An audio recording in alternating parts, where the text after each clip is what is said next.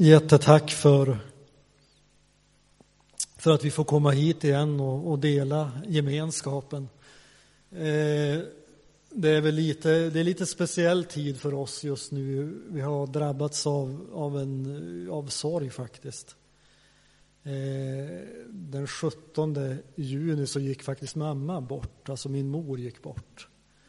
Hon har ju sedan slutet av 80-talet så har hon haft en, en bindvävssjukdom som heter SLE. Och den kan ta sig en icke-aggressiv form och det var det som mamma hade. Eh, den satte sig på, på muskler och väv och, och leder. Så att stundtals har hon haft mycket värk i muskler och leder. Eh, men så här på slutet, i slutet av maj så, så tog sjukdomen en, en ny vändning på något sätt. Och så blev det aggressiv. Och då började sjukdomen angripa inre organ som lever och njurar. Och till slut så fanns det ingenting att göra så att söndagen den 16 så, så valde läkarna att avsluta behandlingen. Och den 17 så fick hon hembud. Och bland de sista ord, och jag var med då faktiskt. Eh, sen åkte jag hem så jag var inte med vid själva dödstillfället. Men bland de sista ord som hon yttrade det var, hon, ja, det kunde vi höra alla tre. Vi var tre, det var pappa och så en bror till mig som var samlade. Det var Jesus, Jesus. Så tänk att få, få sluta sitt liv på det sättet ändå. Att det är de sista hörbara orden. Och sen somnade hon in där strax efter ett på natten. Och om man ska säga någonting så tycker jag väl att eh, någonting med mamma, om jag ska säga någonting som var liksom väldigt viktigt för henne så var det viktigaste för henne det var inte att vi barn skulle få bra jobb och välbetalda jobb utan det som var viktigast för henne det var att vi skulle bli frälsta och att vi skulle tjäna Gud. Och det känner jag att eh, Tänk att, att ha en sån, ett, en sån målsättning som förälder. Att det är det viktigaste att ens barn ska bli frälsta. Hellre än att man ska bli hjärnkirurg eller något annat högt betalt jobb. Så det, det är mycket som man får ta med sig och vi är i sorgens tid. Begravning blir den, den 11 juli. Eh. Och det går att gå in och se en dödsannons på dagens hemsida, dagen.se och även på Fonus hemsida. Och så kan man liksom klicka på en, en sida som heter minnessidor och så kan man söka på hennes dödsannons och då kan ni läsa. Och vill ni ge en gåva så, så är det till LP-verksamheten. Så att, så det är lite speciellt, men jag kände ändå, ändå på något sätt så kände jag att jag ville, ville komma hit och, och dela, få dela Guds ord med er. Så att vi ber tillsammans, Herre, så kommer vi inför dig och vi ber att du öppnar våra ögon och öron så att vi ser dig och ytterligare får lära känna dig som frälsaren. Som den som vill befria oss från all synd. Tack för att du kallar oss till ditt rike. Och så ber jag att du ger oss den här nåden att få hörsamma din kallelse.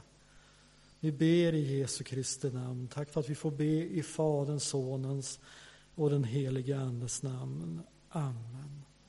Tack Jesus Kristus. Vi ska läsa, ni förstår ju säkert sången jag sjöng, att vi ska läsa texten om Sackeus, så att vi bläddrar till Lukas 19. Och jag tror att jag predikar bättre än vad jag sjunger. Så ska ni få se. Och vi läser där från första till tionde versen. Sedan Jesus kom in i Jeriko och vandrade genom staden. Där fanns en man som hette Sackeus. Han var förman vid tullen och han var rik. Han ville se vem Jesus var men kunde inte för folkets skull eftersom han var liten till växten. Då sprang han i förväg och klättrade upp i ett mullbärsfikonträd för att se honom eftersom Jesus skulle komma den vägen. När Jesus kom till det stället så såg han upp och sade till honom Sackeus, skynda dig ner, för idag måste jag gästa ditt hem. Sackeus skyndade sig ner och tog emot honom med glädje. Alla som såg det mumlade förargat. Han tog in oss en syndare. Men Sackeus stod där och sade till Herren Hälften av det jag har, Herre, ger jag till de fattiga. Och har jag lurat någon på något så betalar jag fyrdubbelt igen. Jesus sade till honom Idag har frälsning kommit till det här huset, för också han är Abrahams son. Människosonen har kommit för att söka upp och frälsa det som var förlorat. Amen. Det här är ju en, en välkänd berättelse för dig som är kanske erfaren bibelläsare. Ändå så kan ju tycka att den här texten den rymmer många djup i, i all sin enkelhet. Texten handlar ju i sin enkelhet hur en, en liten, alltså en tullman som är liten till växten får ett möte med Jesus som liksom förändrar hela livsinriktningen, som förändrar hela hans person. Han är inte densamme efter det här mötet. Och det här är ju ett budskap till sökare i alla tider. Sådana som innerst inne vet att de lever på ett felaktigt sätt och egentligen önskar något annat men inte vet hur det ska gå till att få liksom en förändring. Levi Petrus, jag brukar tänka ibland på Levi Petrus, han är ju den svenska pingströrelsens grundare. Eh, och han talade ju över temat i sin sista predikan han höll, och det var på Nyhemsveckan 1974. Den finns att lyssna också på nätet om man vill lyssna. Och han talar i den predikan bland annat om vikten av att vinna en och en. Och eh, det finns en hemsida som heter, eh, ja, den heter rom1017.se. Den kan man också gå in och där kan man också ladda ner fler predikningar av Levi Petrus. Eh, och det är ju predikningar som har alltså digitaliserats och de ligger ute där på internet. Eh, I en annan av predikningarna som jag har lyssnat på så säger han i avslutningen att en av de stora olyckorna det är när det bara är pastorn som blir budbärare. Alltså just det här att allting ska hänga på pastorn. Och det är han som ska förändra och det är han som ska få församlingen att växa. Det är han som ska bära ut budskapet. Vi är alla kallade att vara budbärare. Vi är alla kallade om att vittna om vår tro på Jesus Kristus. För att återvända då till Nyhem 1974. I sin predikan så säger Levi Petrus att hemligheten till framgången i Philadelphia kyrkan Stockholm, det var inte Levi Petrus. Han säger det själv alltså. Det var inte Levi Petrus. Utan det var de vanliga medlemmarna som tog med sig de som inte hade blivit frälsta på möten och så bad man tillsammans med dem. Och Levi Petrus säger att jag har inte vunnit så många för Gud. Utan han visar på kraften i när vanliga medlemmar kommer i funktion och blir ett vittne för Jesus bland vänner, bland grannar, på arbetsplatsen etc. Och så, alltså Guds rike, det bygger inte på kvantitet utan på kvalitet. Och vi bär ju en längtan, vi bär ju ibland på en längtan efter väckelse. Och många gånger så är ju det här en längtan efter massväckelse. Det ska liksom, Gud ska bara komma här och liksom skaka om allting och så ska alla dras bara till kyrkan. Och en massa människor ska komma till tro på Jesus Kristus. Och det finns ju exempel i skriften på när det sker. Och då tänker jag på Apostlagärningarna, det andra kapitlet. Petrus predikar omvändelsens budskap. Han predikar om Jesu död och uppståndelse.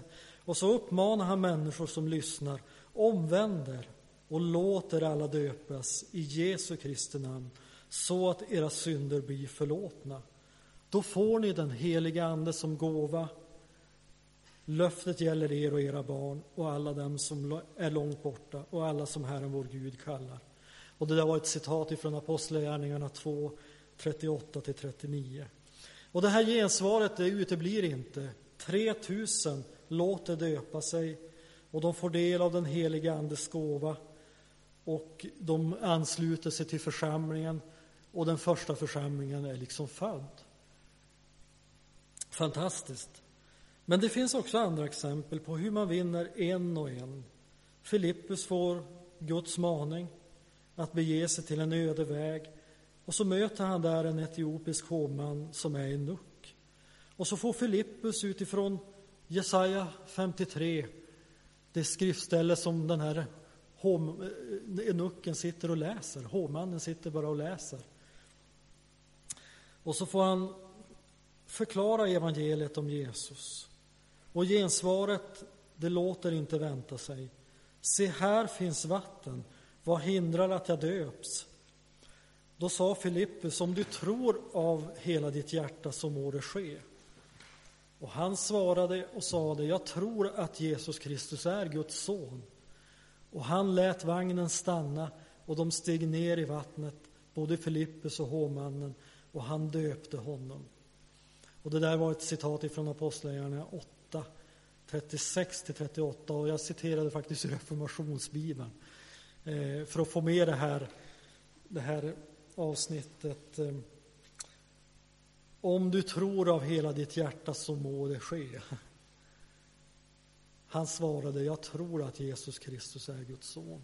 Så det är på den bekännelsen man döps, det är på den bekännelsen man kommer in i Guds rike. Så att meningen är nog inte att vi ska polarisera åt något håll. Men jag tror att risken är när vi allt för mycket väntar oss en massväckelse. Det är kanske att vi upphör av att se vikten av att vinna en och en. Evangelierna berättar ofta om hur Jesus söker upp en människa för att ge av sin frälsning till befrielse och upprättelse. I Johannes evangeliet, det fjärde kapitlet, så möter Jesus en samaritisk kvinna och får förkunna att han har vatten till kvinnan som kan släcka hennes andliga, själsliga törst.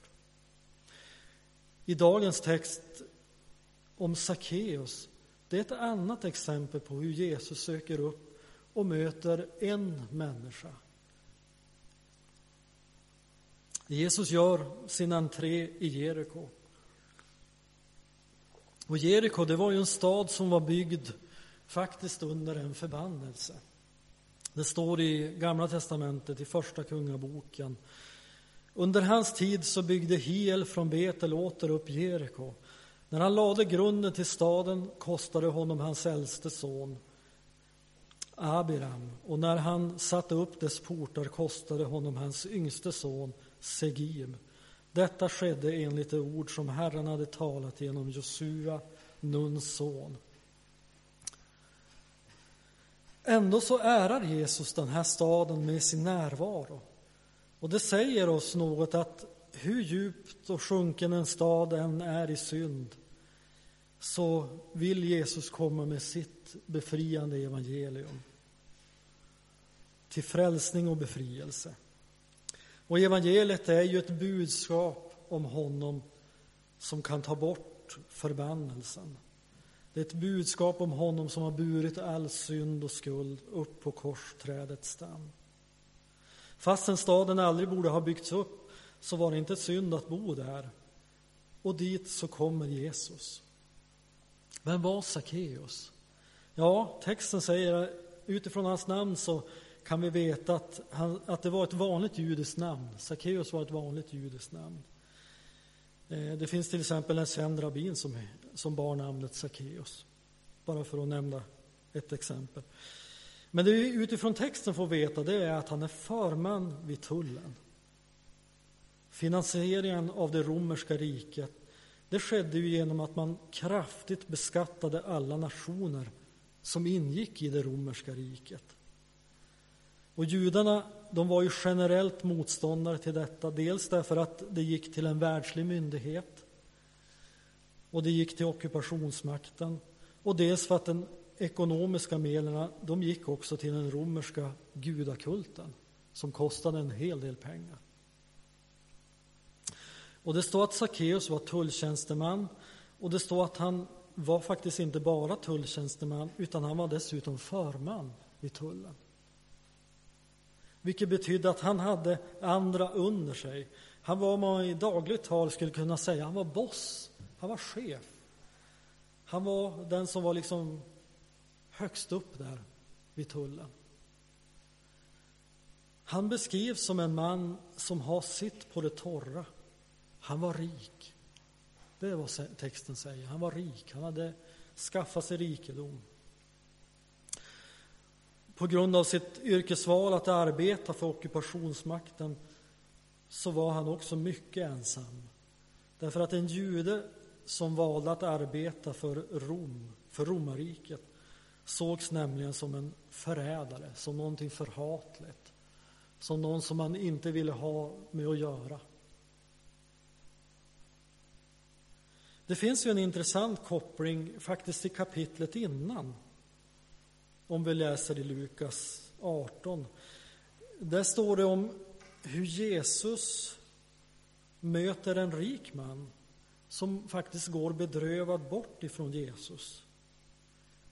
När Jesus pekar på mannens behov av att omvända sig från det som är hans avgud, nämligen rikedom. När mannen hörde detta blev han djupt bedrövad eftersom han var mycket rik. Jesus såg att han var bedrövad och sade, hur svårt är det inte för dem som är rika att komma in i Guds rike?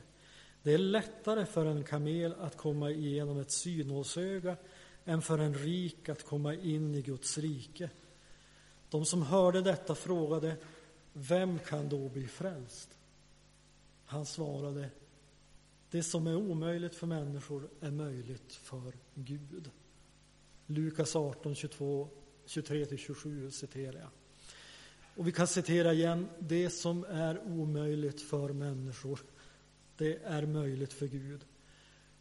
Och det berättelsen om Sackeus vill visa oss är att trots att han var rik, det står ju, texten säger ju så, att han var rik, så har Jesus kommit för att frälsa just honom. Och han kan det, därför att ingenting är omöjligt för Gud. Och det kan Jesus göra därför att han är Gud. Eh, den som ser ut att ha sitt på det torra i materiellt och ekonomiskt hänseende, även där så vill Jesus komma in med sin frälsning. Och jag tror också att vi behöver få se en väckelse bland de som är rika i Sverige idag. De som verkligen har sitt på det torra. De behöver bli syndare. De behöver få se sitt behov av nåd, förlåtelse.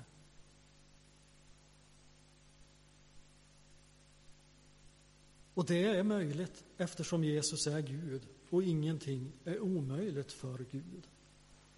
Se, Herrens hand är inte för kort så att han ej kan frälsa.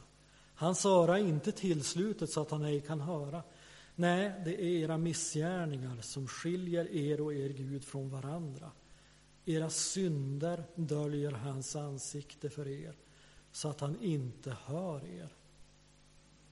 Från Guds sida är allting klart. Gud har alla möjligheter att frälsa.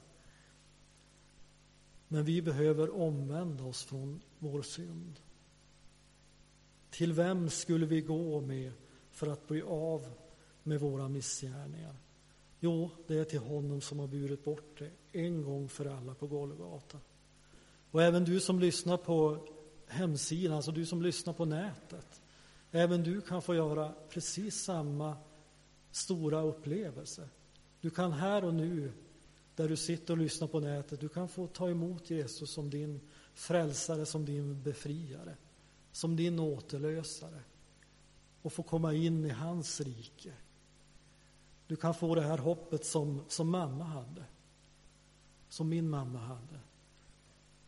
Att få gå ända in i evigheten i dödsögonblicket. Det är stort. Sackeus omvändelse, avslutande punkt. Sackeus omvändelse, det börjar ju med en ärlig längtan att, att få se vem Jesus är. Och den längtan, det är ju inget som Sackeus har kommit på för egen hand. Utan vårt sökande, det är ju bara en blek återspegling av Guds sökande efter oss. Ingen kan komma till mig om inte Fadern som har sänt mig drar honom och jag ska låta honom uppstå på den yttersta dagen. Och här har Fadern börjat att dra i Sackeus. Finns det inte något mer? Var detta allt? Här sitter jag med alla mina pengar, all min rikedom och jag är ensam och jag har inga vänner.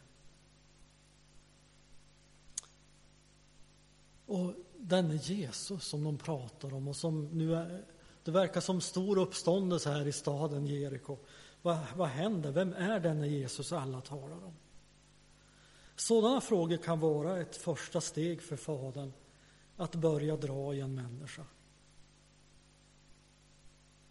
Det kan, ibland kan det vara livskriser också som, som eh, gör att man liksom börjar på allvar söka Gud. Nu finns det ett problem för Sackeus och det är att han är liten till växten. Det är vad texten säger. Men han löser det problemet med att klättra upp i ett mullbärsfikonträd. Och utifrån det jag har läst och så där så, så ska det tydligen vara ett väldigt stort och kraftigt träd men mindre än ett äkta träd. En intressant detalj med just det där trädet, med bullbärsfikonträdet, det är tydligen att grenarna sitter långt ner på stammen. Och därför så kan den här kortväxte Sackeus, han kan klättra upp. Och säkert visste de flesta vem han var. Han kanske exponerade sig för dem och riskerade många onda blickar och elaka ord.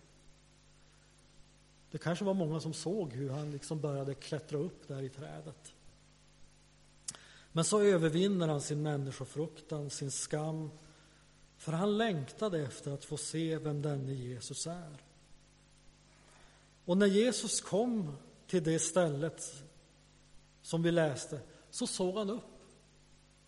Och så sa han till honom, Sackeus, skynda dig ner, ty idag måste jag komma och stanna i ditt hus. Och det intressanta med den här versen, det är ju dels hur kunde Jesus veta att det satt en man där uppe i trädet och att han hette Sackeus? Det finns en liknande berättelse i Johannes evangeliet. Jesus såg Natanael komma och sa om honom, här är en sann israelit som är utan svek. Natanael frågade honom, hur kan du känna mig? Jesus svarade, innan Filippus kallade på dig såg jag dig under fikonträdet. Natanael svarade, Rabbi, du är Guds son, du är Israels konung.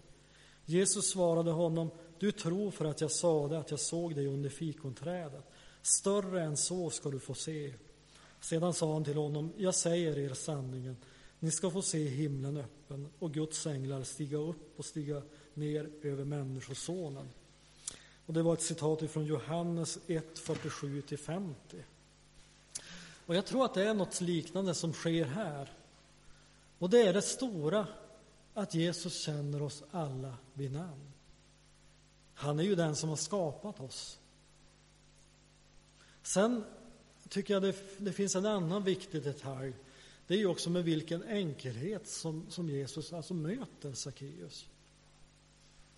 Man skulle ju kunna tänka sig att Jesus nu skulle ha hållit en, en lång teoretisk utläggning om Sackeus behov av nåd och frälsning och Men Jesus utbrister bara kort och enkelt, Sackeus skynda dig ner, ty idag måste jag komma och stanna i ditt hus.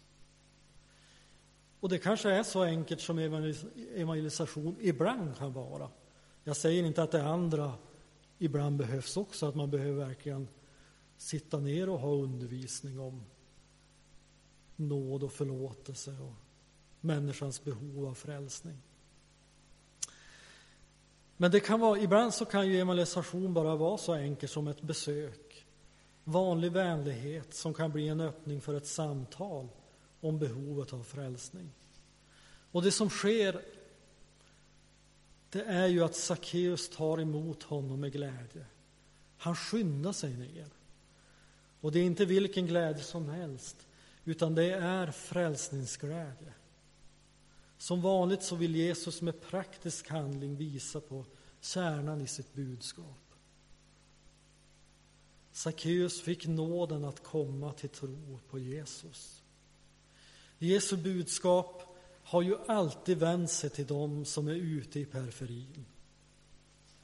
Att Jesus besöker en förrädare, en som arbetar åt ockupationsmakten, det väcker ju naturligtvis ilska. Alla som såg det mumlade förrädare att han har tagit in oss en syndare. Men den sanna kristna glädjen det är ju den glädje över att ha fått sin synd förlåten. Och det är också en frälsning som medför konsekvenser rent praktiskt. Det blir ett förändrat synsätt. En ny inställning till pengar. Ibland så brukar man ju lite uppgivet säga att den som sist blir frälst är plånboken. Eh, om ni förstår vad jag menar. I Sackeus liv så blev det tvärtom.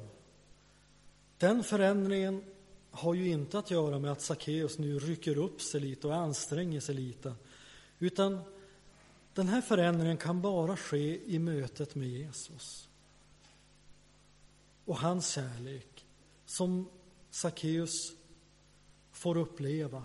Och det blir liksom en kraft till ett förändrat liv.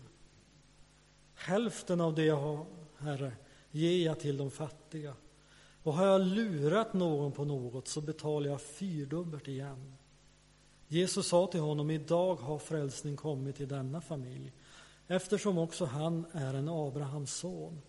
Ty Människosonen har kommit för att uppsöka och frälsa det som var förlorat. Uttrycket att vara just där en Abrahams son. Jesus säger ju själv Abraham, er fader, jublade över att få se min dag och han såg den och blev glad. Han såg den och blev glad. Johannes 8.56. Att vara Abrahams son, det är ju detsamma som att bli frälst, att bli född på nytt. Det är att glädjas över att Messias har kommit och att hans namn är Jesus. Och det var ju det Abraham fick se profetiskt att Jesus skulle komma och frälsa världen från synd. Läs gärna Första Mosebok, det 22 kapitlet.